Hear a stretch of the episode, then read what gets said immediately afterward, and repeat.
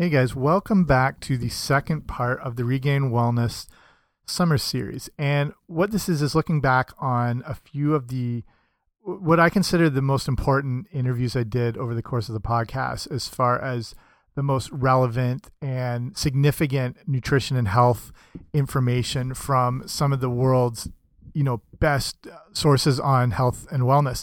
And with the first episode I did, I looked back at an episode with Jonathan Bailor, who's a New York Times bestselling author of a book called The Calorie Myth, and looking at this whole misconception of counting calories and how calories in equal cal calories out. This next interview I did was from a few years ago with probably what is my favorite all time book and one of the most fascinating subjects in all of nutrition. It's with a fellow Canadian named Mark Schatzker, who wrote a book called The Dorito Effect. And this book looks at the whole idea of why we want to continue to eat the things we do, why we crave certain things, and how foods are designed for us to want to eat more of them, and the whole idea of flavor technology um, and additives added in to make us crave certain things. And when we first did this interview, this book had just come out. And so this is a few years back. Since then, this thing has been a massive hit, and you'd see Mark appearing on shows like uh, Dr. Oz, and he was on, you know, he'd, he'd show up on like Good Morning America, all sorts of things like that. So the book really blew up big time, mainly because this is like brand new information and things people have not been considering yet. So I think it's worth looking back on such an important topic. And with this interview, we'll jump right into it with Mark Schatzker. So the book, The Dorito Effect, phenomenal book. Can't stress it enough that everyone should be reading this, whether you're involved in nutrition or just from like the layperson. What before we get the details, what inspired you to write the book? What sort of kicked that off? Well, I guess the same thing that inspired me to be originally a food writer, which is the way food tastes. Um, we are all drawn to food. We all love food. Um, but for some reason, we never really talk about flavor. We are obsessed by nutrients, uh, carbs, fat, sugar. Um, and yet, flavor has this grip on our brains. We crave it, we think about it, and I basically just started thinking about it. Why do we like food, and what is, you know, what is the relationship between the way food tastes and what it does to our body? Yeah. Um, so this whole story is interesting because uh, we're talking about the Dorito effect, and if people are wondering, is this a book about chips, the Dorito effect kind of kicked off this whole flavor movement, and it started with basically the word taco. So, can you explain how that all came through?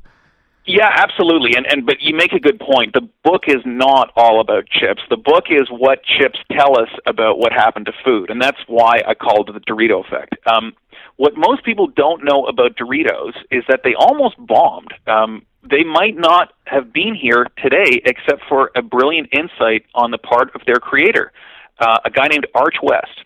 Um, when Frito Lay first brought Doritos to market, they were just a salted tortilla chip, um, and they didn't sell very well. In the Southwest, like in Texas and California, people knew that you could dip Doritos or, or tortilla chips into guacamole or salsa or yeah. a bean dip, and they did okay there.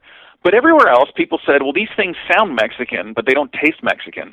And that's when this guy, Arch West, had his brilliant moment of insight, which is to say, let's flavor them to taste like a taco.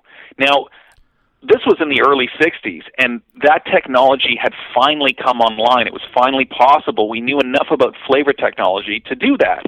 In the 40s or the 50s or the 30s, if you wanted to make a taco, or if you wanted to make a tortilla chip taste like a taco, well, you'd have to put like ground beef on it, uh, or, or pork and chopped onions yeah. and, and that sort of thing. But now we just knew what the flavorings were, and we could just add those chemicals to a tortilla chip to give it the same savory zing as a taco. It didn't taste exactly like a taco, but it it tasted good. These chemicals made these tortilla chips taste delicious, taste irresistible, and that's when the Dorito really was born. Yeah. That's when it became the smash hit that it is this tells us two things. First of all, it tells us how powerful flavor technology is to get us to eat food, to like food. But it also tells us the story of what happened to food in general, because we're now putting the same kind of stuff we put on potato chips and Doritos, we're putting it everywhere. And in that way, we're incentivizing ourselves to eat the wrong food. F- flavor really tells us everything about where food went wrong and what we need to do to fix it. Awesome. Uh, so I guess jumping into it, then they've they were creating these flavors. These flavors like really never existed before. So there's a lot of confusion behind everyone. You know, sees artificial flavor and they're like they're like, oh, okay, that's something fake to stay away from. How is natural flavor actually kind of in that same category, and what that has to do with things like gas chromatographs and all that science? Yeah, okay, so let me get into the science of it. The actual compounds that are in food uh, let's say in an orange or in a cherry or a steak or a strawberry, the compounds that make it taste the way it tastes, there's hardly any of them in there. They are microscopic. And for decades, despite the fact that we've been pretty good at chemistry for, you know, like 150 years, yeah. For a long, long time, no one had any idea what it was inside a, inside an orange that made it taste like an orange. Finally, in 1955, the first uh, gas chromatograph went on sale commercially. And this is a machine that lets you analyze all the chemicals inside something. So now you could take a little bit of a orange juice or orange oil or strawberry or steak and put it in a gas chromatograph, and all the different compounds would come marching out the other end. And then you could analyze them and figure out what they were. And pretty soon you could say, well, I don't need an orange to make something taste like an orange because I figured out the chemicals yeah. in an orange that make it taste like an orange. And very quickly, we began producing these flavor chemicals industrially and adding them to all sorts of things. The Dorito is one of the earliest, most successful examples, but it's it's happened with everything. Um, it's all over the place now. A lot of the time, people look suspiciously on an ingredient panel and they see the word artificial flavors and they get scared and they think, ooh, these chemicals are going to get inside my brain or they're going to give me cancer. But then they might see another one next to it that says all natural flavoring and yeah. they think, oh, nature. This is healthy. This is good for me. The truth is, there is no difference between these chemicals. Artificial flavors and natural flavors, chemically speaking, are virtually identical um, it's kind of like what you it, it's more like word trickery. Yeah. Um, it has to do with how they're made. So you might make a natural flavor by using distillation or putting something in a centrifuge or using a yeast. So we tend to think of these things as natural. Whatever that means i don't know why. I don't know why harvesting chemicals from a yeast in a factory is natural. Even though yeah. yeast exists in nature that doesn't make it natural. Yeah. But but whatever for whatever reason the government lets this happen um, if you look at a vial of natural flavorings, it is a clear liquid, and so are artificial flavorings. Chemically speaking, it's the same stuff. So I would just tell people don't believe the word natural in that context. There's nothing in that context. There's nothing natural about it. I think it's probably one of the best uh, scam marketing things that ever existed for food that you can slap natural flavor on, and you know you have this image that it's like been hand picked and hand squeezed or something ridiculous like that. Um, with the different, like with the say, like with artificial flavors and natural flavors, if they list an artificial flavor, that that's just sort of the tip of the iceberg. There can be a ton of it, compounds. Yes, it's just two words that essentially are incredibly deceptive. Sometimes the list of actual flavorings is is so long. Um, I mean, you know, you, you'd need a binder to print yeah. it all out. Um, they're very complex chemicals.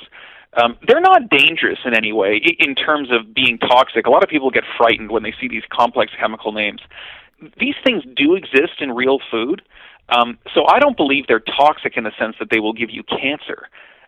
My belief is that the problem with them is that they incentivize you to eat food you wouldn't ordinarily eat. That's the problem. They make food taste delicious and that's the problem we have is we're eating too much. Um, and if you look at how we've incentivized food, that's going to tell you an awful lot about why people are making the, these terrible eating choices. Yeah, I, uh, page seventeen. I think you said you're, you're like when you're talking about the obviously there's an obesity problem, all like diabetes, health, all sorts of problems. Uh, page seventeen, you said the problem isn't calories and what our body does with them necessarily. The problem is we want to eat the wrong thing. So, can you explain a little more on that?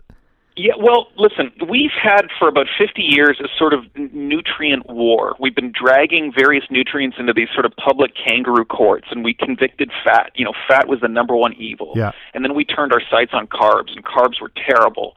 Uh, now we're getting really angry about sugar. What's very interesting to contemplate is that in the 1950s and 60s, when we were relatively trim compared to today, there was fat, there were carbs. You could go buy sugar at the supermarket. This stuff didn't all get invented in the late 70s. But we weren't consuming that much. We've had this kind of ongoing war, and even the scientists disagree. You know, what does a carb do once it gets inside your system versus a Yeah. fat? And there are some minor differences, but I think these differences are minor. I think the real question is behavioral, which is why did we decide to eat more? And that's where flavor comes in. We have to understand obesity as a behavioral problem and not a nutritional problem. And the question is what is what is producing this behavior. And that's where flavor becomes so interesting because even though we ignore it from a nutritional point of view because all those natural flavorings and artificial flavorings are completely non-caloric. Yeah. you could eat them by the bucketful. You wouldn't gain weight. Um, but what they're key why they're so important is they help us understand why we like food. So if you took for example the flavorings out of potato chips and tortilla chips and you took the flavorings out of like soft drinks nobody would eat them. It's the Yeah. flavorings that make them taste delicious, and this helps us understand why people are doing it. In fact, beneath all that comes this really big question what are flavorings and why do they exist? And that's where this discussion really opens up and becomes so interesting. The truth is, flavors are there for a really important reason. Uh, if you look at your DNA, there's more DNA devoted to writing your flavor system than any other part of your body. So evolution considered it very, very important. When we were out there living in the jungle or running around the savannah, we really needed this flavor system. And the reason is that flavors are cues for nutrients. It's how our bodies know and remember where the nutrients are. Yeah. So that when we run around the forest, this is before we had PhDs in nutrition, and we could meet our needs, our very diverse and differing needs for minerals, for vitamins, for protein, for energy. Flavor is how we remembered. Um, and how we knew something uh, when something tasted delicious, it's because it was good for us. Yeah. So if, if you look, for example, at a tomato, the reason we love tomatoes is because the flavors in a tomato are a cue. They're telling us there's nutrients in this tomato. There's very good science on this. Um, so that's why it's there. It's a system that worked brilliantly for thousands and thousands and thousands of years, and it's really gotten out of whack only since we had this ability to start inventing flavors ourselves. Yeah. So talking about what you call nutritional wisdom, then, and the, the fact that we, the, the flavor and nutrition kind of go together. Talk about some of the studies that were done with uh, that you cover in the book about uh, with the goats and that that idea of nutritional wisdom. Yeah, the, um, nutritional wisdom is an important phrase. It's been out of fashion for decades now, but it is the idea that our palate, our desires, what we feel like eating, has some relationship to what our bodies need. We have gone so far away from this that we think flavor is the devil. We have sayings like, if it tastes good, spit it out. But when you think about it, you're like, well, why? I mean, that doesn't make sense. Why would we be programmed to poison ourselves? That makes absolutely no sense.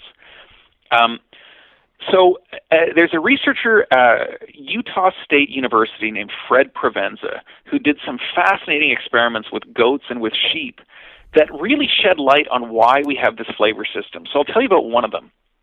He did an experiment with sheep. Imagine two pens with uh, each has 10 sheep in it.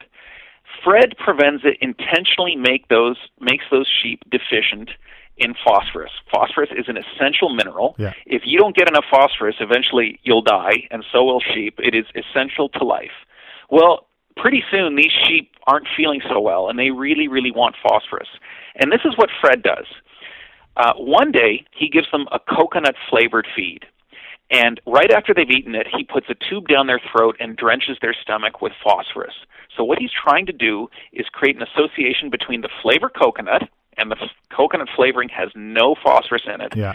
and the nutritional infusion of phosphorus.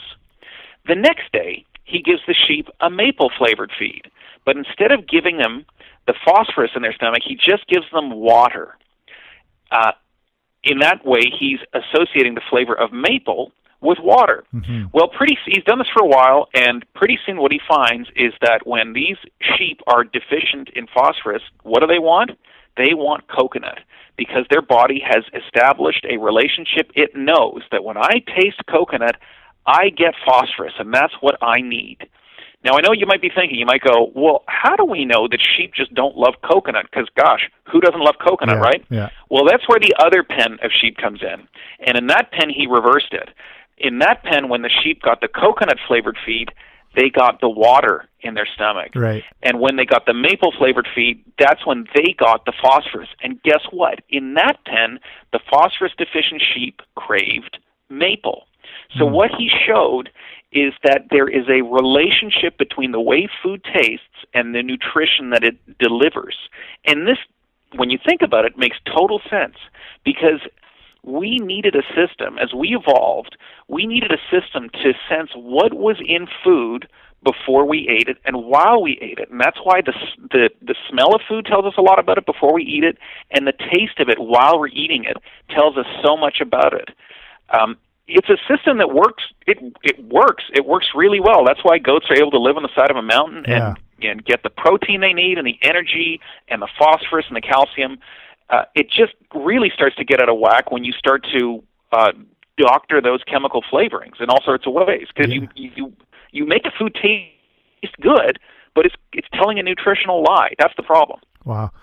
There, there's so many amazing studies and things you reference in this book that honestly blow people's minds here. You touched on on smell here. I, I wrote a blog a while back on you know sort of this same subject and artificial flavors and finding that a majority of all the flavors, uh, artificial flavors, are created uh, in New Jersey. There's so many of these big chemical factories, and they they're the same places that are making a lot of like perfumes and things that go into you know making air fresheners smell good. What what's more of the relation with the smell in our noses and how that works with flavor? Yes.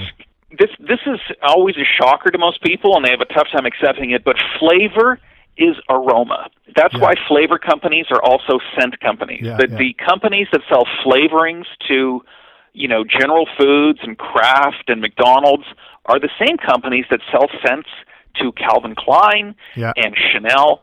Um, and it's because flavors are aromas. This seems bizarre because you're like, well, what are you talking about? I taste food in my mouth, on my tongue, and you do. That's where your brain places the experience. But so your tongue only registers the basic taste, which is sweet, salty, bitter, sour, and umami. That gives you important information about food, and food wouldn't taste like food without that stuff. Mhm. But as we all know, if you have a cold, food tastes really bland, and that's because your nose. So much of the complexity and nuance and character of food comes through your nose. And the way it works is, you know, there's that weird hole in the back of your throat Yeah. where your nose connects to your mouth. Mhm. Um, the aroma of what you're eating wafts up that and swirls in your nasal cavity, firing aroma receptors. In fact, you're better at smelling food through the back of your nose than you are through the front of your nose. It makes no Wow, sense. yeah. People can't believe it, but it's true. and that's why when you eat food, so much of that character is, is, is actually being told, it's, it's, it's being registered by your nose. Wow. Speaking of the smell thing, uh, there's this.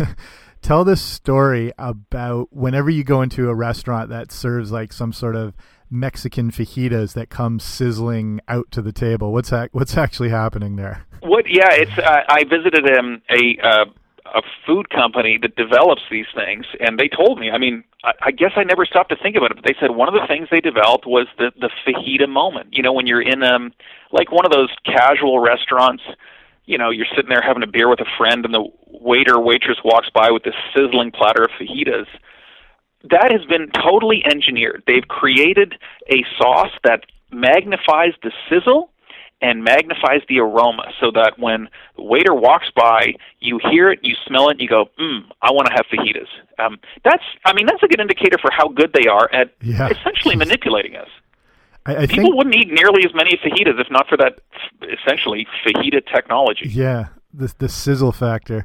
The um, I think I, I came across this as well with uh, not just say Mc, McDonald's, but other fast food places with the same kind of flavor or sorry aromas added into their their cooking oil to give off that like fry smell.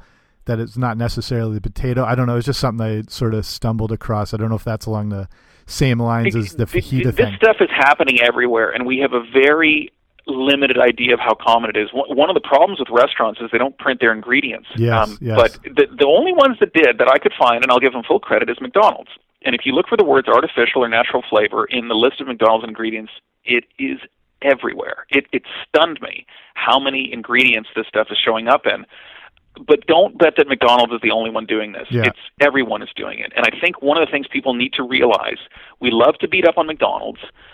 Um, lots of restaurants are following exactly the same model. Lots of sit-down restaurants where you think your food is being prepared in the kitchen. It's it's more like it's being assembled. Yeah, It yeah. was cooked off premises, and it's just assembled by really low-wage workers in in a quote kitchen, and it's not real. The flavor the flavor is not the product of artful cuisine. It No. was created in a lab and you know spritzed on in a factory. Yeah. I have a friend, uh, like I said, Mark and I are both from Canada, and there's a few chain restaurants that are around here. Uh, I won't mention names. And I had a friend who got a job as a chef, sorry, chef, cook, or whatever they want to call him at one of these places. The guy could not, like, he couldn't make grilled cheese. He had no idea. He left the place still with no concept of food. He's basically like, you use a box cutter, and then it's just like, it's more of a preparation thing. And we, Yeah. we see these sit down, like, yeah, everyone like bashes fast food and then there's any like chain sit down restaurants it's essentially the same thing and you think It is you're like same. It is yeah, fast food, except they're just charging you double for it. And it's true for like a lot of pubs and cafeterias. yeah, Um, you know, why is it that all chicken wings and Caesar salads taste the same? Right. It's not because everyone's following some great recipe. It's because this stuff is all coming out of a package. yeah In fact, they don't even call them recipes. They call them operational guidelines. wow Um, it's it's quite depressing when you think about it. Um, and it's unfortunate because it's um, you know there are people out there with cooking talent who you know I'd love them to cook me dinner. Unfortunately, I can't get that. I can only get something out of a box, right? Yeah. If you go to a go out to a restaurant. Yeah Well, no, I don't want to say all restaurants, but so many, right? No, so and it- many restaurants, especially chain restaurants. and and because flavor is paramount if it, if something obviously is a good they've got a, they got a you know a bottom line to hit uh money wise so they can't compromise like if you go to any of these places I say like or you know again fast food if you have like you know a, a fry there. They taste the same everywhere you go in any country where it's you know if you have a potato it's it can be different every time. If it's a locally grown like natural raised organic potato the, the flavor can absolutely vary. The in, very interesting stuff here when you talk about in the book about chicken and what the chicken we're actually eating today is and how it's kind of evolved and been created as well. Can you get into that Yeah, the chicken. I mean, I, I say this, um, and most people are struck by it, but I would say most people today have never tasted chicken. Yeah. You're going to say, well, what are you talking about? I eat chicken all the time. But chicken tastes nothing like it used to. Chicken today tastes tastes of nothing. It, it tastes like cardboard. It tastes like what you put on it, and that's why we have to so aggressively season Mhm. chicken or dump sauces on it. Um, about 60 years ago, a chicken took about 16 weeks to get big.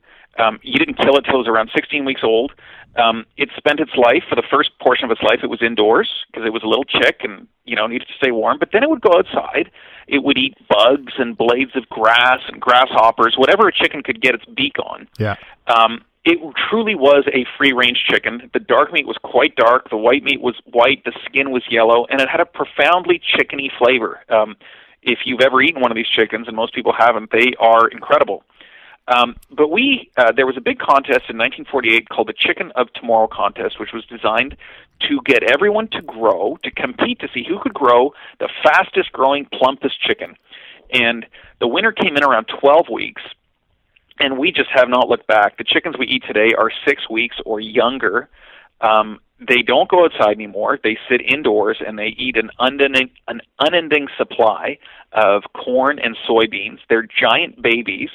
They're full of water and they taste like nothing. yeah And also their blandness. This is the reason we need to think about nutrition and flavor is because their flavor, their blandness is an indicator for what happened to them nutritionally. Chickens are higher in fat than they used to be, and they're not as nutrient dense, not as many omega 3s, uh, not as many vitamins. Um, it, it literally is closer to cardboard, uh, like a high calorie cardboard. Um, and that's a problem because I, ch- the chicken we eat now just isn't satisfying. About 50% of it is called further processed, which means it goes to one of those factories where um, it's breaded. Uh, we eat a ton of chicken fingers and chicken strips. Yeah. There's flavorings added. We Yeah. eat chicken burgers. So we think of chicken as this like low fat food. It's not. Um, we've turned it into Doritos. to make it palatable, and we've altered our relationship with it. It's, it doesn't taste that good, and yet we've we've you know sprinkled it with chemicals that make us just want to keep eating it and keep eating it and the like the omega six content has gone up a lot more. It's, and that, it's like through the roof. Yeah, it's so, unbelievable when when you look at the uh, omega six to omega three ratio in chicken. I mean, it can get as high as forty to one. It's really bad. Yeah. So like with people listening, like you you know you need some omega six and three, but you need that in a good balance. And when obviously when the six gets out of proportion, it can lead to your own inflammation and all that. And and people always think, yeah, chicken is perfectly clean, lean, that whole deal. What was it? Uh, what was the term Julia Child used to to find chicken back?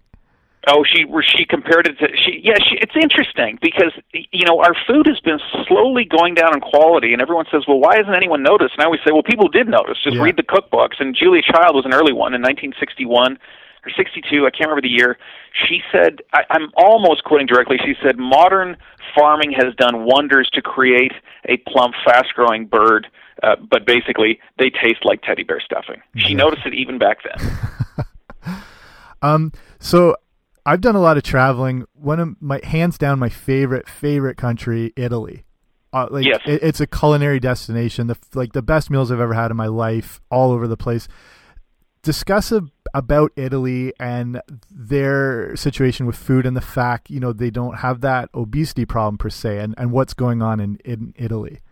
Well, Italy, I think, is a really it, it's teaching us something very important about food and how we're getting food wrong.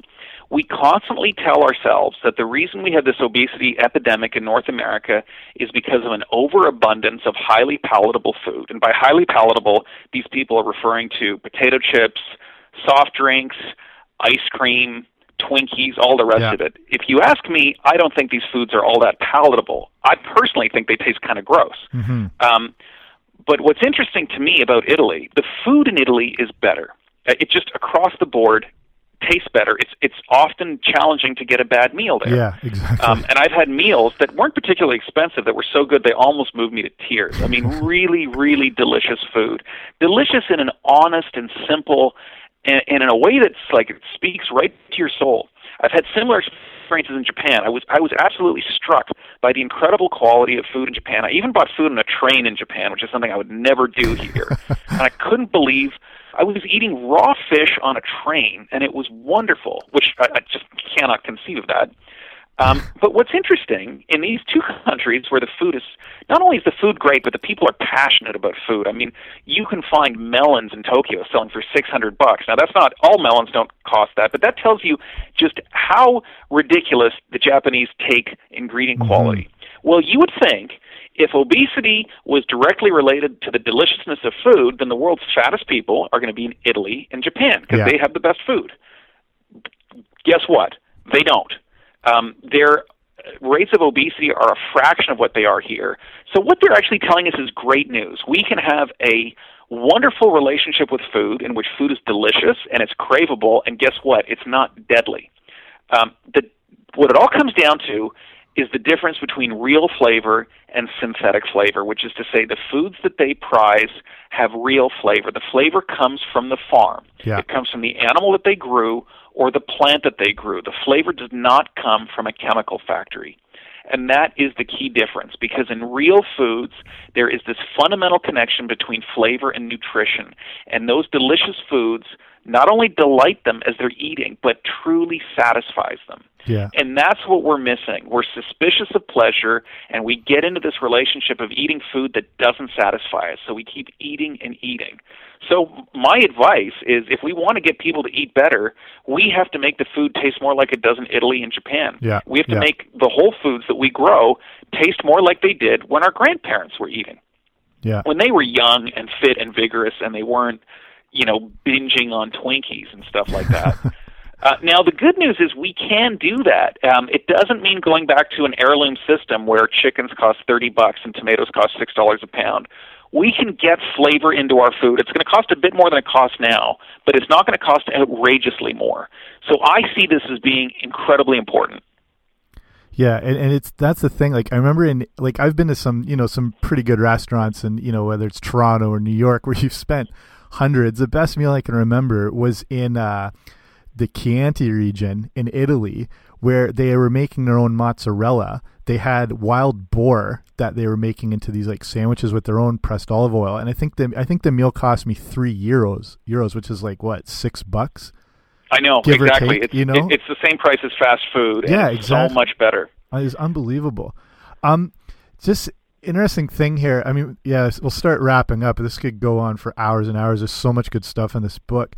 The one thing I found really amazing was how companies are creating not just fake flavors, but they're creating feelings in food.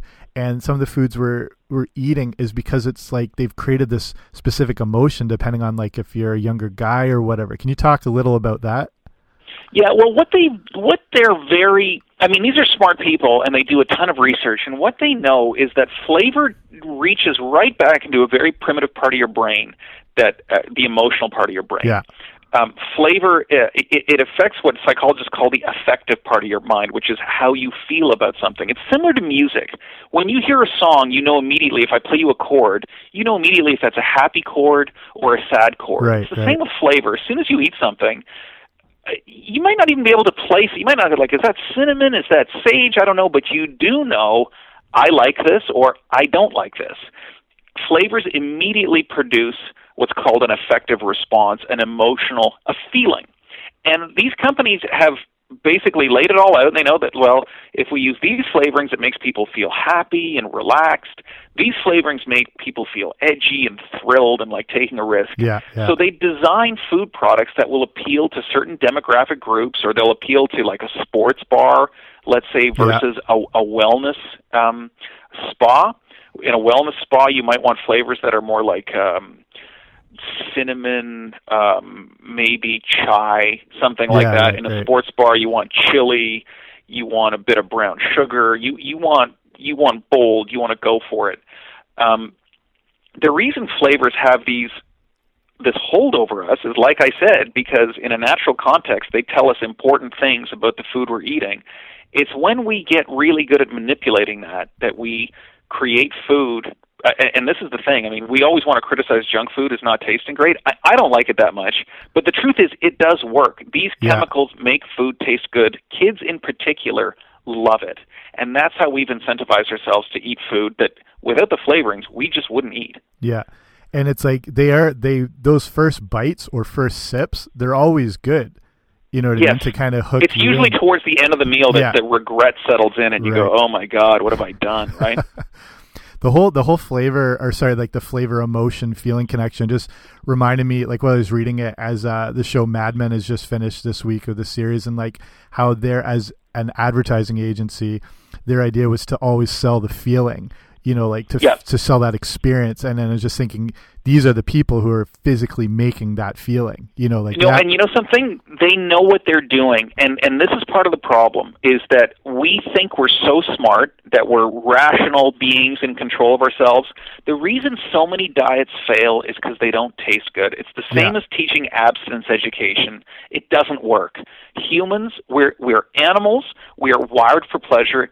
And we find the pleasure. And if Whole Foods tastes like cardboard and junk food tastes great, guess what people are going to do? They're going to eat the junk food. We know this. We we've tried putting like you know, sliced vegetables in cafeterias, and the kids still go for the French fries Yeah, mhm. and the frozen pizzas because they go for where the pleasure is. We have to get pleasure into healthy food. It's just, it's just not going to work otherwise. We we have 50 years of data, and we know it won't work. Okay, back to me in the present time.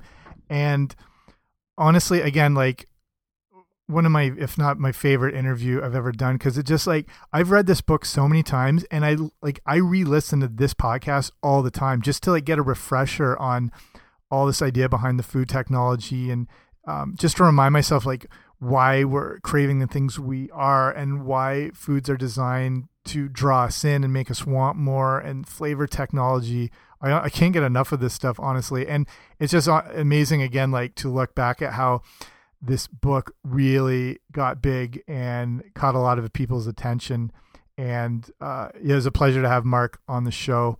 And hopefully again if you hadn't listened to this show already it was uh, way back i think episode 43 um, if this is the first time listening to it or you're listening to it again hopefully you're just reabsorbing all this amazing information that is so relevant to know and just again the reminder to um, focus on the, the cleanest realest most organic natural food you can so you're not throwing your body out of whack um, keeping it running optimally so it's not second guessing what's being introduced into it and it's not being um, almost you know perverted with these artificial flavors additives um, all this technology that is just completely like kind of like rewiring our brains and, and, causing all this this chaos within us. So hopefully like this um, again like the second part of this Regained Wellness summer series and i'll be back very soon with a new one. All right thanks for listening. Bye